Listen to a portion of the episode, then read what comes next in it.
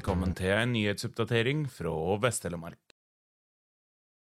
Mange utenlandske turister er allerede i gang med å bestille neste års norgesferie.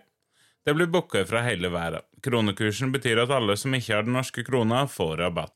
Vi har amerikanere som ringer og vil komme neste år, men betaler nå, forteller prosjektdirektør i Norwegian Hospitality Group Tor Philip Halvorsen til NRK.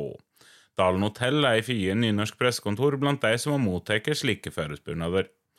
Daglig leder i Telemarkskanalen, Janne Lindgren, forteller at utenlandske turoperatører generelt er mer på ballen nå etter koronapandemien, men også av kronekursen. Jeg vil tro at den lave kronekursen både påvirker nordmenn til å feriere mer hjemme og får utenlandske turister til å komme til Norge, sier Lindgren. Tre personer var involvert i en front-mot-front-ulykke mellom en bubil og en personbil vest for Høydalsmo på E134 søndag ettermiddag.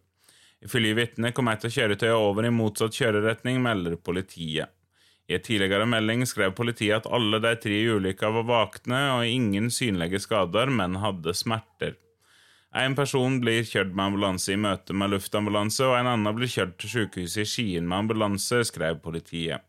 Senere meldte de at skadeomfanget er ukjent.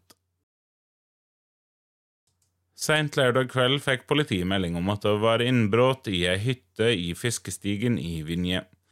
Politiet var på stedet og undersøkte, der de fant et knust vindauge, men det var uvisst om det var tatt noe fra innsida av hytta.